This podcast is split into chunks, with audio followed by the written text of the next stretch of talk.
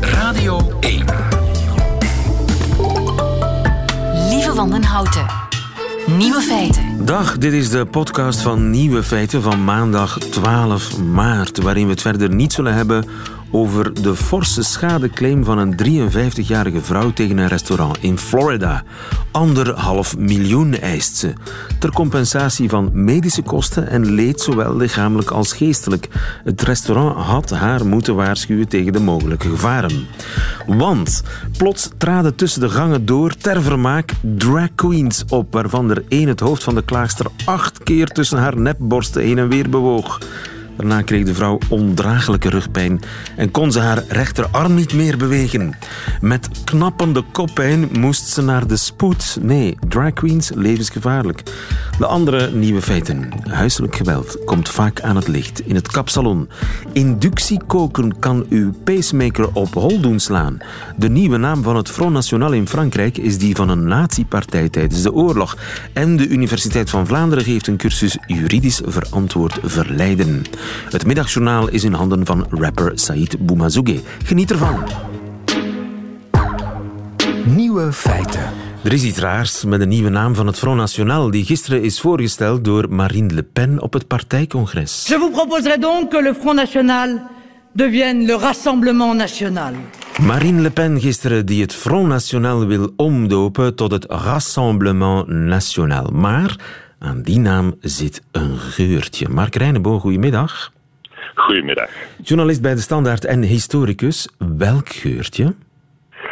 Wel, uh, er is, uh, laten we zeggen, de naam is niet origineel. Uh, het is ook een soort substitute, maar de naam is al gebruikt door tenminste twee andere partijen. En het zijn twee partijen die ehm, ja, zich in, aan de extreemrechtse kant bevinden. In Frankrijk dan. Er is een bruin geurtje. trouwens. Zeg maar een zwart. Een zwart geurtje. ja, er is er een ehm, geweest in... Uh, tijdens de Tweede Wereldoorlog. Dat was uh, uh, Rassemblement National Populair, heette dat.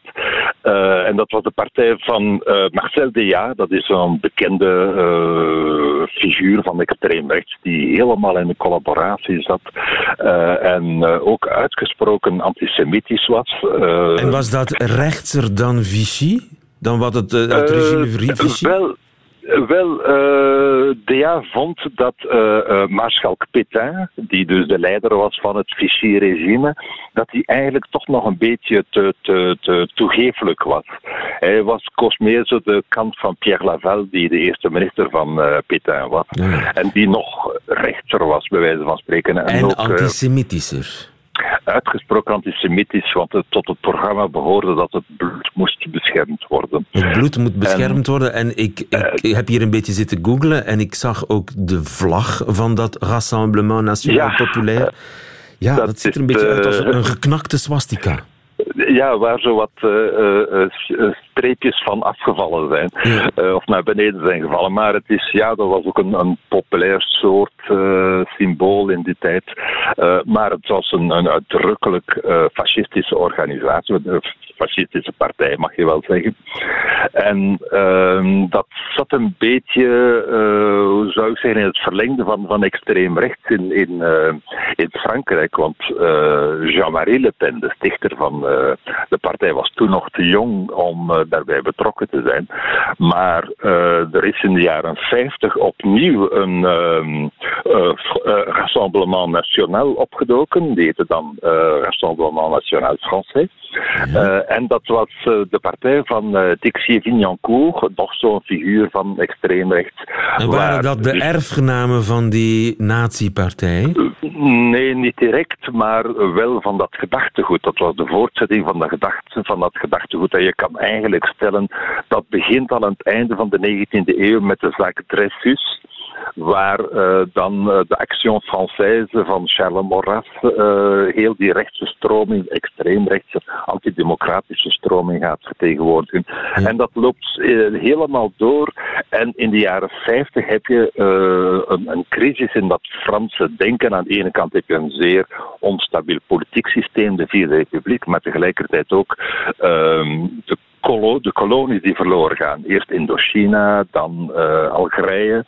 En, dat zorgde voor een opstoot in Rassemblement National gevoelens. ja, dat was ja, zo'n opstoot van nationalisme, maar ook ressentiment.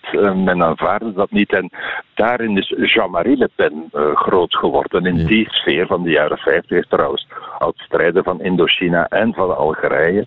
Nu, en Marine Le Pen... Vignacourt vertegenwoordigde ook die, die, die stroming. Nu, de naamsverandering uh, was precies bedoeld om de partij uh, ja, salonveger te maken, of althans ja. frequentabel te maken als mogelijke regeringspartij.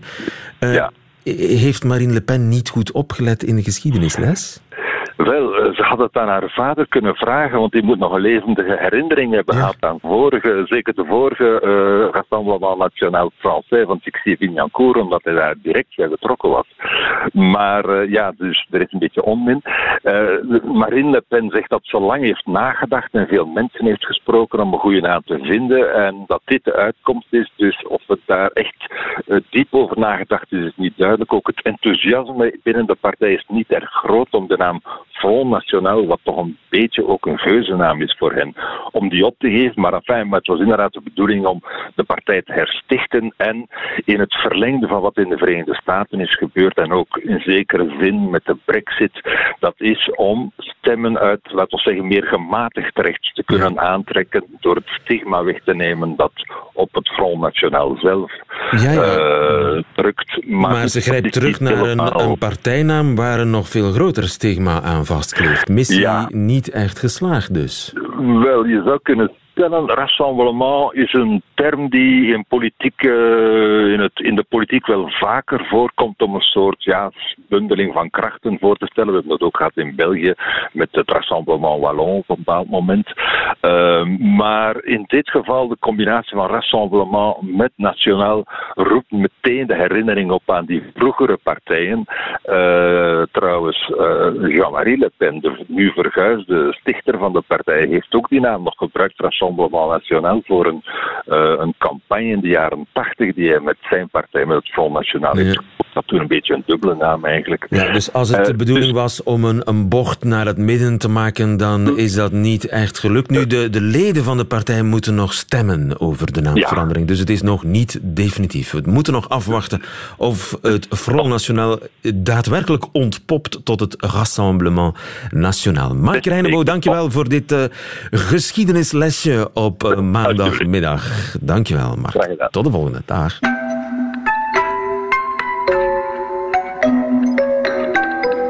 Nieuwe feiten. Huiselijk geweld komt vaak aan het licht in het kapsalon. Goedemiddag, Kirsten. Goedemiddag. Kirsten van den Hul, parlementslid in Nederland. Dat staat namelijk in je nota. Nota over huiselijk geweld die je vorige week aan premier Rutte in Nederland hebt uh, overhandigd. Klopt. Een nota over... spreek ik liever over geweld achter de voordeur. Ik wou het net zeggen, een nota over geweld achter de voordeur. Klopt. Want er is inderdaad weinig huiselijks aan huiselijk geweld. Uh, is, is het een verborgen probleem?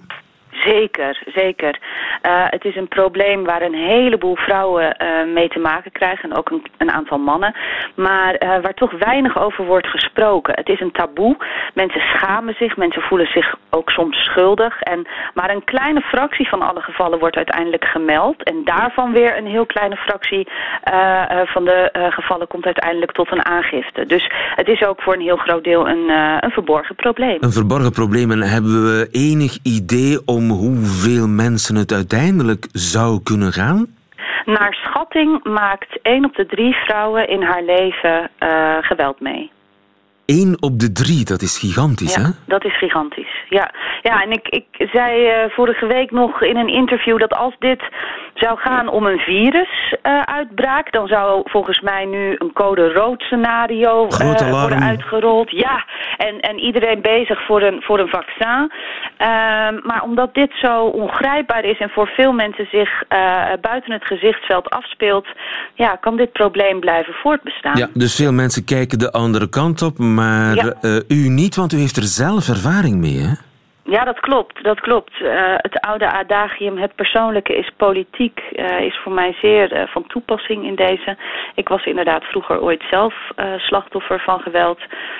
Door mijn toenmalige partner. En ik merkte in gesprekken met vrouwen die datzelfde hadden meegemaakt, dat zij het ook heel lastig vonden om het bespreekbaar te maken. Toen dacht ik, nou laat ik mijn, mijn politieke platform en mijn zichtbaarheid gebruiken om ook namens hen te spreken die, die dat platform niet hebben. Maar kun je dat uitleggen waarom dat zo moeilijk is om aangifte te doen, om, om ermee naar buiten te komen? Ja, um, nou, het is, het is, allereerst is het een proces wat, wat vaak heel langzaam verloopt. Dus het begint met, met kleine dingen. Het begint vaak ook met, met geestelijke mishandeling, met controle. En gaandeweg, gaandeweg wordt het steeds erger. En, je pikt steeds meer eigenlijk. Je, ja, je grenzen schuiven steeds verder op. Je wordt ook, je wordt ook steeds, uh, uh, nou, je wordt steeds minder uh, sterk. Je wordt steeds minder jezelf. je doet steeds meer concessies. En op een gegeven moment dan uh, is de schaamte uh, zo groot. In mijn geval uh, schaamte en ook, ook wel een beetje schuldgevoel. En je denkt ook, ja, dit is toch iets wat we zelf wel moeten oplossen. Um, en misschien had... naarmate het langer duurt, wordt de schaamte ook groter. Absoluut, absoluut. Ik heb, het, ik heb het in die tijd nooit aan iemand verteld. Uiteindelijk aan de vriendin bij wie ik kon logeren, die mij dus helpt, heeft geholpen nou, weg te komen uit die relatie. Die is de enige die, die ik ik het heb verteld. En ik heb jarenlang gewacht met het aan, aan familie en vrienden te vertellen. Jarenlang? Zeker. En het ging om zwaar geweld. Ik bedoel, de, de sporen waren zichtbaar. Zeker, zeker. En ik, ik verzond smoesjes en ik was, ik was een kampioen in het, in het verbergen. En dat, ja, dat hoor ik van andere uh, slachtoffers ook. Dat ze het liever uh, uh, verstoppen dan, dan, dan erover over durven te praten. En juist daarom vond ik het zo belangrijk om ook in de politiek dit issue te agenderen. Ten meer daar het niet iets is van één uh, bewindspersoon of één departement. Maar dit gaat over verschillende beleidsterreinen. Het is deels een kwestie van emancipatie. Uh, uh, 90% van de daders is man ongeveer. Dus het is wel. En, en, en 10% van de vrouwen. En het overgrote deel van de slachtoffers is vrouw. dus het is ook een emancipatieprobleem. Veel vrouwen blijven in een gewelddadige relatie omdat niet economisch zelfstandig zijn. er zijn ehm, allerlei kanten aan dit verhaal. Dit vraagt een globaal plan, een globale aanpak. En een van de opvallende elementen in dat plan van u is dat kappers iets kunnen doen.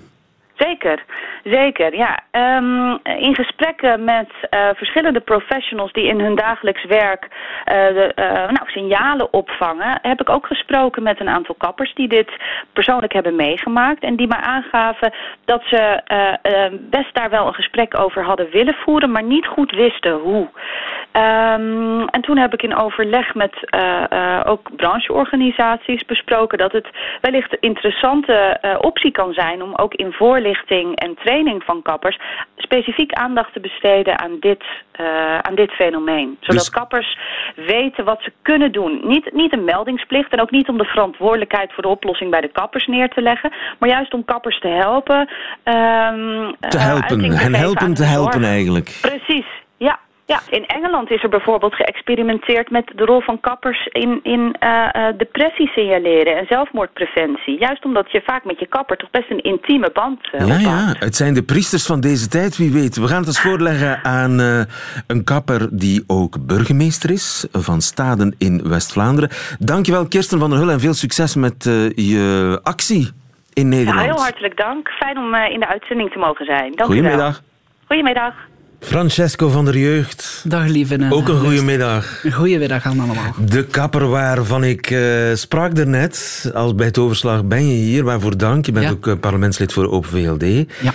Uh, goed plan? Ik vind van wel. Ik, uh, om voor alle duidelijkheid, ik denk dat het niet goed is om dingen te gaan verplichten, want dingen moeten van onderuit komen. Maar ik denk als je een goede kapper wil zijn en je echt wel een meerwaarde wil creëren voor die klanten, dat je ook een stukje een laagdrempelige psycholoog moet zijn, waar mensen eigenlijk met problemen en zorgen ook wel... Uh, maar zie jij aan een vrouw dat ze thuis mishandeld is? Dat is niet altijd evident. Hè, want je soms bent, wel? Soms wel. Want je bent in een omgeving waar er ook andere klanten zijn en iedereen durft daar zomaar open en bloot wat dat er achter die deur inderdaad gebeurt. Dus dan moet je gaan, gaan vezelen. Vezelen, maar ik denk dat het heel belangrijk is dat je bepaalde elementen gaat gaan opmerken. Hè. Is Wat, die klant, wat, wat zie je dan bijvoorbeeld? hoe komt die klant al binnen in je zaak? Is die nerveus? Is die opgejaagd? Ehm, heeft hij niet veel tijd? Of, of, of, of ja, wil ze niet spreken? Is ze echt in haarzelf? En dat is een heel belangrijk element in dat je toch als persoon die toch met mensen omgaat en toch die gevoelens moet eh, proberen te gaan eh, achterhalen. En, en zie die je soms ook de lichamelijke sporen van geweld? Ja. Ehm, dames je staat er natuurlijk met je neus op, hè? Je staat erop, maar je staat er ook achter. En dames maquilleren zich goed. Ik kan veel verbergen met maquillage. Maar wanneer dat je de haren begint te wassen, dan zie je dat die maquillage verdwijnt. En dat er dan bruine of soms zelfs blauwe plekken. En ik moet, uit mijn eigen ervaring heb ik het één keer meegemaakt. Dat ik echt een, een klant, een dame had, die, die van dat soort eh, geweld het slachtoffer was.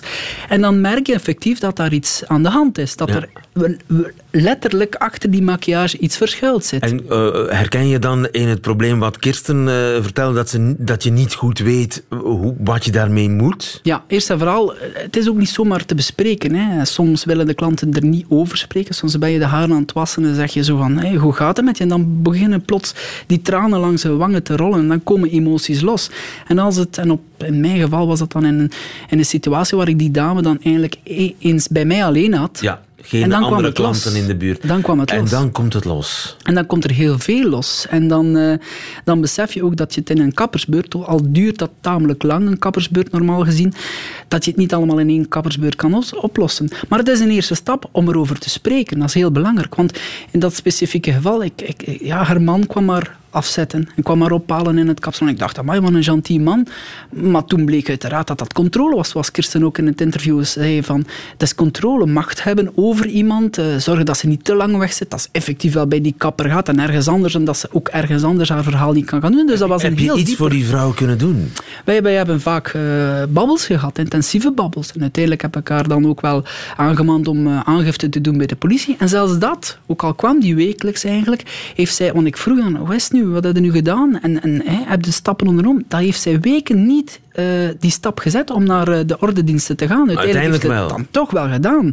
Is ze kunnen weggaan van haar man, een hele moeilijke situatie, een hele moe- moeilijke periode doorlopen. Want, want er is ook veel onbegrip voor dergelijke problematieken. En, en gezins, familiesituaties, ook al bij je familie, dan Dus kijken je ze... hebt als kapper hier je rol gespeeld. Ik heb mijn rol gespeeld, maar ik moet, zeggen, ik heb thuis in mijn eigen thuissituatie ook... Mijn moeder is heel haar leven zenuwziek geweest. Dus ik, ik heb leren omgaan ook met mensen die het moeilijk hebben, die, die, die problematieken hebben. Dan weet je ook hoe dat je kan op bepaalde manieren omgaan. Dus ik heb geprobeerd om die dame bepaalde stappen te zetten die ze misschien inderdaad anders niet had gezet. Ja, maar Dus, zouden jouw collega-kappers niet eh, een speciale opleiding moeten krijgen? Dat is ook wat Kirsten voorstelt, Ja. dat, het, er- eh, dat er een module moet komen in de kappersopleiding. Wel, hey, moeten, ik denk dat het sowieso van- belangrijk ja. is dat het sowieso belangrijk dat het ergens ingebed wordt in de opleiding. Hey, moeten, we moeten al zoveel, maar ik denk dat het belangrijk is. Open niet ja, nee, niet te veel.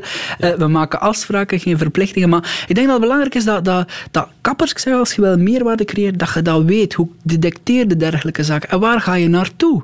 Want oké, je kunt dat dan misschien wel weten, maar je weet niet altijd, ja, ga ik naar de politie, ga ik naar een sociaal huis? Dat is kapper niet zonder die vrouw naar de politie. Dat kan niet natuurlijk. Nee, nee, nee, nee, nee. Je bent ook eigenlijk een beetje gebonden aan, aan, Een soort aan van vertrouwen, aan beroepsgeheim. Dus ja, het is ook niet aan ons om een stap te zetten. Het is aan die dame effectief. Je kan haar helpen, je kan haar begeleiden. Ehm, en, en, dit- en ik denk ook dat het vaak gebeurt, ook bij mannen. Dat, dat er eh, geweld is ten opzichte van je dat al mannen. meegemaakt Ik heb de- nog niet meegemaakt. Maar ik denk dat dan de schaamte om daarmee naar buiten te komen nog zoveel groter is. Partnergeweld is niet enkel alleen bij vrouwen. Het gebeurt heel vaak. En ik denk ook dat het heel vaak ook voorkomt bij mannen. En dan, die mannelijkheid, die wordt dan eigenlijk een stuk, dat ego wordt een stuk afgebroken, omdat dat die onder, eh, ja, dat die slagen krijgt, bij wijze van spreken, van de vrouw. Maar als burgemeester zie ik ook heel wat. En eh, ik vind het goed dat het voorstel achter de deuren, hè, dat het onder die Ja. noemer is. Want Misschien er een gebeurt heel ideetje vaak als, veel als eh. Vlaams parlementslid om daar ook werk van te maken. Om... Ik denk dat het heel belangrijk is, ook in de commissie welzijn. Ik ben daar nu zelf geen lid van, maar dat daar, en ik weet dat er ook rond gewerkt wordt, maar dat dat inderdaad ook, bijvoorbeeld ook met de brancheorganisatie UBK, de Unie van de Belgische Kappers, heb ik heel eh, nauwe contacten, dat zij dat ook proberen te sensibiliseren en in de lessenpakketten mee te geven. Want het is een problematiek die te vaak jammerlijk genoeg nog voorkomt. En, we alles en moeten aan doen om te vaak ook onder de radar blijft. En misschien kunnen kappers daarbij helpen. Dankjewel. We doen ons best. Francesco van der Jeugd, Dank u wel. bedankt voor je komst naar de studio. Dank u. Radio 1. Nieuwe feiten. Wat ik niet wist, namelijk dat inductiekoken uw pacemaker kan verstoren. Katrien de Maier, goedemiddag. Goedemiddag. U bent cardioloog. Uh, wat ja. kan er misgaan met zo'n pacemaker bij inductiekookplaten? Wel, bij de inductiekookplaten, net zoals in een aantal andere uh, toestellen, heb je elektrische spoelen en die uh, maken of creëren een magnetisch veld. En die, die elektrische ja, situatie, zal ik zeggen, die kan theoretisch um, de pacemaker of de defibrillator verstoren. Want een apparaat met elektromagnetische straling, ja, dat werkt in op die pacemaker. Die pacemaker reageert ook op uh, elektromagnetische straling. Ja, het is zo dat een pacemaker. Um, eigenlijk gaat het, hartritme gaat, uh, gaat behouden of gaat regelen als het elektrisch prikkeltje dat het hart doet samentrekken er zelf niet meer zo goed is of helemaal niet meer is. Dus het hart trekt samen door elektrische prikkels. En um, ja, als, als er door een of ander probleem die prikkeltjes zelf niet meer voldoende zijn of soms te veel zijn, dan kan de pacemaker of de defibrillator daarvoor, uh, of daar, daar, ja, daarop inwerken. En dat gaat dus inderdaad via elektrische stroompjes. Ja, ja, dus het zou kunnen dat die pacemaker foute signalen krijgt van mm -hmm. de inductiekookplaat. Dat, het, dat zou het probleem kunnen zijn, hè, dat die pacemaker te veel detecteert, of de defibrillator dan in dat geval, uh, te veel detecteert, of, ja, een, een, een, een, of dat het eigenlijk de werking van, de, van, het, uh, van het computertje eigenlijk in de pacemaker uh, of de defibrillator verstoord zal geraken. Ja, ze, ze zou die pacemaker op hol kunnen slaan, of juist in tegendeel de hartslag verzwakken, omdat hij denkt, oei, oei, oei, deze, de hart is hier nu al te keer aan het gaan, maar in werkelijkheid ja. is het de inductiekookplaat. Nu, moet ik dan dat... eigenlijk al met mijn hart op die plaat gaan liggen? Ja, dat klopt. Hè. Dus, uh, ah, ja. er is een, er Wat is je een in principe punt. niet doet, hè? Nee, hoop ik niet. Dus de afstand tussen, tussen eigenlijk uh, de, de stroombron hè, en, de, en, de, en de pacemaker, uh, dat is wel van belang. En die, uh, hoe, hoe, hoe verder dat je afstaat van, van het toestel of van het apparaat, hoe beter. Dus de adviezen zijn inderdaad, leg je borstkas niet op de inductiekookplaat, maar ga bijvoorbeeld ook niet tegen de deur van een magnetronoven staan, want daar heb je Ah, ja. hetzelfde verschijnsel. Of bijvoorbeeld um, steek je je gsm of je smartphone niet in het borstzakje links voor het hart. Gebruik liefst de rechterarm om te bellen. Val niet met je iPad op je borstkas in slaap. Um, want dat zijn allemaal theoretische situaties waarbij dat de pacemaker ofwel in een soort fixed rate zou kunnen gaan. En die gaat dan op een bepaalde frequentie um, fixed blijven afvuren. Dus die gaat niet stilvallen. Hè. Ja, ja. Um, maar bij de defibrillator is het wel zo. Dus de defibrillator zal je een schokje geven in geval van een uh, gevaarlijke ritmestoornis. En die kan wel uitgeschakeld worden door, theoretisch ook weer, door... Um, bijvoorbeeld met je borstkas op die uh, inductiekookplaat te gaan ja. liggen. Eh, Theoretisch, het woord is al een paar keer gevallen. Zijn daar eigenlijk al incidenten mee gemeld? Nee, er zijn eigenlijk, ik heb het even nagekeken, voor zover bekend zijn daar geen, uh, zeker geen grote reeksen van bekend. Er kan wel eens een keer een uh, incidentierapport uh, verschenen zijn. Maar, maar nogmaals, um, als je een voldoende afstand, hè, een voldoende afstand is een armlengte eigenlijk, houdt tussen de bron en, en je toestel, dan zit je ruim onder de Europese en internationale veiligheidsrichtlijnen. hoor. ehm, Dus, uh, ja, ja, ja, ja, maar het geldt zowel voor mobiele telefoons, iPads, microgolfovens Mhm. als inductiekookplaten. Het gevaar is theoretisch, maar een uh, gewaarschuwde man of vrouw is er twee waard. Ja, het is belangrijk om er rekening mee te houden en we geven dat ook zo aan onze patiënten mee hoor. Dankjewel, Katrien de Maier, cardioloog in. Antwerpen. Goedemiddag. Dag.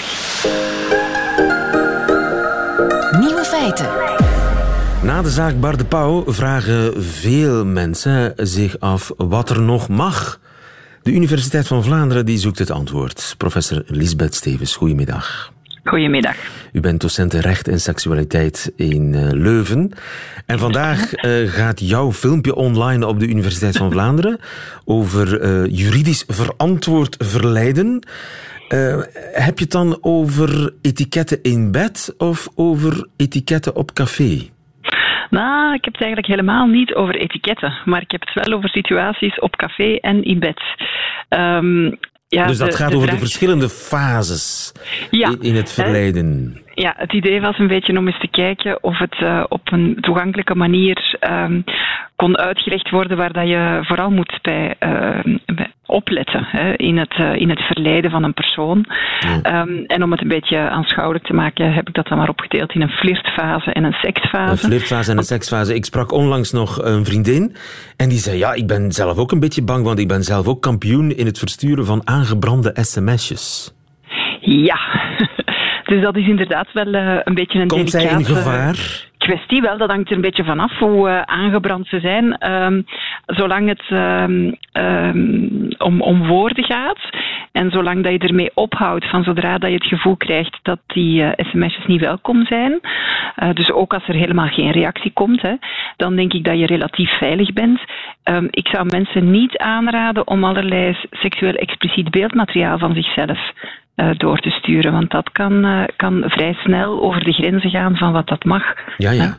En als de tegenpartij zeg maar, daar absoluut niet van gediend vrolijk is... meedoet... Uh, ja, vrolijk, vrolijk meedoet, is er geen meedoet, probleem. Dan is er geen probleem. Dan is er geen probleem, maar als de tegenpartij zwijgt, dan moet je echt onmiddellijk ophouden. Ja, dan moet je toch even checken. Ja, dan moet je niet aandringen. Hè? Want uh, het draait natuurlijk altijd om toestemming. En de fout die denk ik heel veel mensen maken, is dat ze um, denken van, vanuit zichzelf denken. Hè? En denken, zou ik dit vervelend vinden om het te krijgen? Maar het, het gaat niet om jou, hè? het gaat om de andere kant. Vindt die het vervelend? En ja. zou elk redelijk mens het vervelend vinden? Als elk redelijk mens het vervelend vindt, die uh, niet geïnteresseerd is in een flirtrelatie met jou, dan um, loop je echt het risico dat je over mensen hun grenzen gaat. Ja, en in en dit dan... geval is zwijgen dus niet toestemmen. Nee, dat is een van de, van de mythes hè, die we uh, over het seksuele nog heel erg um, terugvinden in onze samenleving. Als iemand niks zegt, dan, uh, dan bedoelt hij eigenlijk ja. Maar net in, in een seksuele context is dat eigenlijk een heel gevaarlijke houding. Want dan maak je eigenlijk blind voor, de, voor het ontbreken van signalen um, dat het, dat het oké okay is wat je aan het doen bent. Maar nu dus... hebben we het over sms'jes, over ja, online verkeer, zeg maar. Als we mm-hmm. dan echt uh, op café of in een sociale situatie, kan, kan je nog heel direct verleiden? Mag dat? Zeggen van, ik vind jou een geweldig stuk. Ja, natuurlijk. Complimenten uh, mogen zeker. Ik denk wat je daar moet, uh, wat je daar moet opletten is dat je uh, niet vulgair wordt. He, dus dat is op. Uh, je moet niet mensen um, heel plat aanspreken in het openbaar, want dan zou je echt wel kunnen, uh, kunnen een inbreuk op de seksismewet plegen. Want je mag uh, mensen niet vernederen of beledigen in het openbaar omwille van hun seksualiteit of omwille van hun vrouw zijn. Ja, ja dus en toch een andere... beetje voorzichtig zijn met, met hele vulgaire woorden.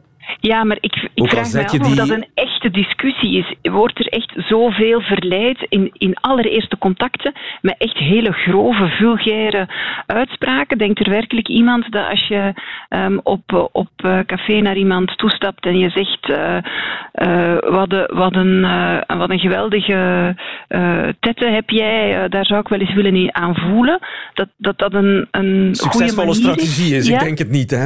Ik denk nee. het niet. Dus, dus, dat is een beetje. Ik vind dat we heel vaak over die complimenten ook op een rare manier discussiëren. Omdat als je echt gaat kijken van, van wat werd er letterlijk gezegd of gedaan, dan zijn er heel weinig mensen die nog denken dit is een verleidingsstrategie. En dan voel je eigenlijk dat het een manier is om een soort van macht te gebruiken in het openbaar om iemand op zijn plaats te zetten en om iemand eigenlijk de boodschap te geven ik beslis wat er hier gebeurt ja. en niet jij.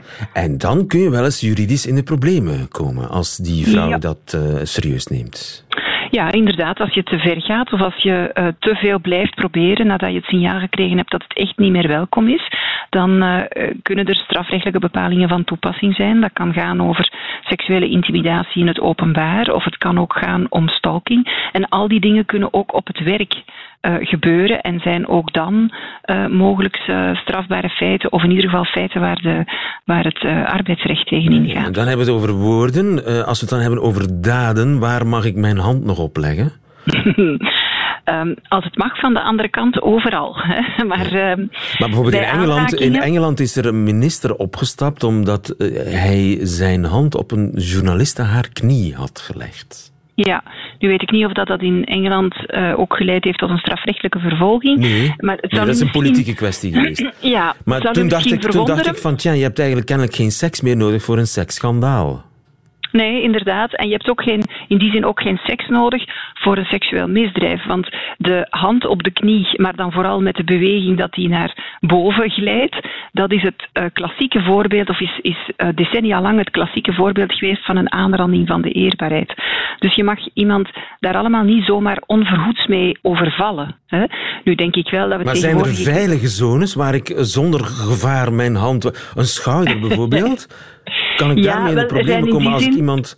Ja, uh, een, tik op de, een tikje op de schouder? Een tik of, of een, ja, een, een, klopje op de schouder? Nee, um, in principe niet. Hè. Um, dus de, de, het is bijna letterlijk als je mensen gaat vragen, heb je, waar word je niet graag aangeraakt of waar vind je dat, dat het eigenlijk intieme plekken zijn op je lichaam, dan gaat dat min of meer van de, van de borsten bij een vrouw tot en met de geslachtsorganen. Er zijn twee zones, heel intiem, en de buik die daartussen zit wordt beschouwd als iets minder intiem. Dus dat is duidelijk dat dat eigenlijk zones zijn waar je iemand alleen maar mag aanraken als je daar toestemming voor hebt. Ik weet niet of het een goed idee is om mensen zomaar ongevraagd voortdurend te zitten aanraken. Sommige mensen zijn daar helemaal niet op gesteld. Maar um, het zal geen straf, strafbaar feit zijn als je iemand een klopje op de schouder geeft. Of als je, stel dat je iemand zijn kuit aanraakt of zo. Dat, is, dat zijn geen strafrechtelijk beschermde zones van het, van het lichaam, om het zo te stellen. Maar eh, eh, bestaat het gevaar niet dat we naar een soort uh, seksuele ijstijd evolueren, waarbij elke aanraking een potentiële veroordeling uh, in zich houdt? Uh, ik, ik geloof dat eigenlijk niet, omdat ik denk dat we dat als mensen juist meestal heel goed doen. En dat we juist meestal, als we met iemand uh, interageren, niet alleen letten op wat hij letterlijk zegt, maar ook op wat hij doet. En als we zo goed naar mekaars lichaamstaal luisteren, dat we eigenlijk best wel weten wat dat kan en wat dat niet kan. Er is Je geen gevaar voor Amerikaans, Amerikaanse toestanden waarbij iemand al uh, een forse schadeclaim uh, aan zijn broek kan krijgen voor, voor iets heel onschuldigs. Nou, maar zelfs die Amerikaanse toestanden moet je heel erg relativeren. Zo makkelijk uh, vallen veroordelingen daar ook allemaal niet uit de lucht. Maar het is natuurlijk een heel ander rechtssysteem dan het onze. Hè. Dus dat, ik, ik heb absoluut geen schrik voor Amerikaanse toestanden hier. We moeten alles toch blijven in perspectief zien. Zelfs in België is het nog niet zo vanzelfsprekend om uh, zaken van seksueel geweld veroordeeld te krijgen. Een dus, beetje gezond verstand en, en impulscontrole kom je er wel kom je een heel eind, absoluut. En dat is voor mij ook een beetje de insteek geweest om het eens op een andere manier proberen te vertellen, omdat ik denk dat er heel veel mensen zijn die absoluut, als ze er even bij stil zouden staan, die absoluut geen aanrander of verkrachter willen zijn. Dus ik, ik wou eigenlijk ook met deze uiteenzetting een beetje tips meegeven ja, hoe dat je dat kan vermijden. Op welke dingen dat je kan letten, waardoor dat je niet in de problemen komt. Je filmpje staat op de Universiteit van Vlaanderen, uh, de online universiteit met allemaal gratis colleges toegankelijk voor iedereen. Dankjewel, Lisbeth Stevens. Goedemiddag. Radio 1. Alleen nog het middagjournaal hebt u van mij te goed en dat is deze week van Said Bomma Zouge. Nieuwe feiten. Middagjournaal. Assalam, vrede. In vrede kom ik en in vrede zal ik blijven gaan. Ik ben Said, 30 jaar, Vlaming, Belg, moslim en Marokkaan. Het is vandaag maandag en ja, het is maandag mensen. Maandag, mondag, monday, lundi, lunes, het tenien. Andere kleur, andere taal, maar wel nog steeds dezelfde dag. En dat pikt voor iedereen op maandag. Ongeacht kleur, ras, religie, seks, leeftijd. Je moet je eens voorstellen dat maandag een monster zou zijn, hè? die ons leven in gevaar zou brengen. Hoe zouden we dan reageren als gemeenschap, als maatschappij? Zou er dan meer broederschap zijn, meer binding, minder racisme, minder verzuring? We zouden toch bij elkaar raad zoeken en bescherming. En zo de strijd samen aangaan, samen overleven. Ah, Said, stop met dromen. Laten we het hebben over mijn week. Mijn week vergelijk ik een beetje met een overgekookte tagine. Er zijn periodes dat mijn week achterstevoren begint op vrijdag of, een zondag, waar eigenlijk deze week was. Maar eigenlijk vandaag is mijn week al begonnen op een zondag door deadlines of projecten. Of wordt mijn week gewoon vervangen door een weekend van zeven dagen. Het, het is wat het is. We zijn nu eenmaal slaven van de tijd uh, en proberen ons dag netjes in drie te delen. Acht uur werken, acht uur slapen en acht uur... Ik weet niet waar, maar de acht uur is niks voor mij, want geen enkele dag is hetzelfde. Dat is nu het nadeel als je een freelancer bent. Dus iets wat ik me al toch wel al lang afvraag. Hebben we nog iets te zeggen in hetgeen dat we doen eigenlijk? Is er een ruimte voor verandering? Is er een, een vorm van inzeggingschap? Volgen we de stroom of bepalen we de stroom mee? En als we de stroom mee bepalen, hoe hard mag die stroom eigenlijk gaan zonder dat we erin zelf mee verdrinken? Hm. Het is wat het is. Of beter gezegd, het is wat het was. Want kleine jongens blijven niet klein. Ze worden groot. Ze leren bij. En uiteindelijk leren we hoe we anders kunnen werken. Van ons brood. Leren. Leren. Leren. Best wel een dure werkwoord. Leren.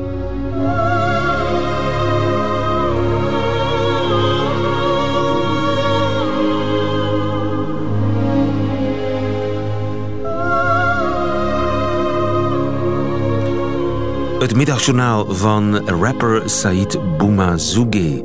Het einde van deze podcast. U vindt er nog veel meer op radio1.be en op de gebruikelijke podcastkanalen. Tot nog een keer.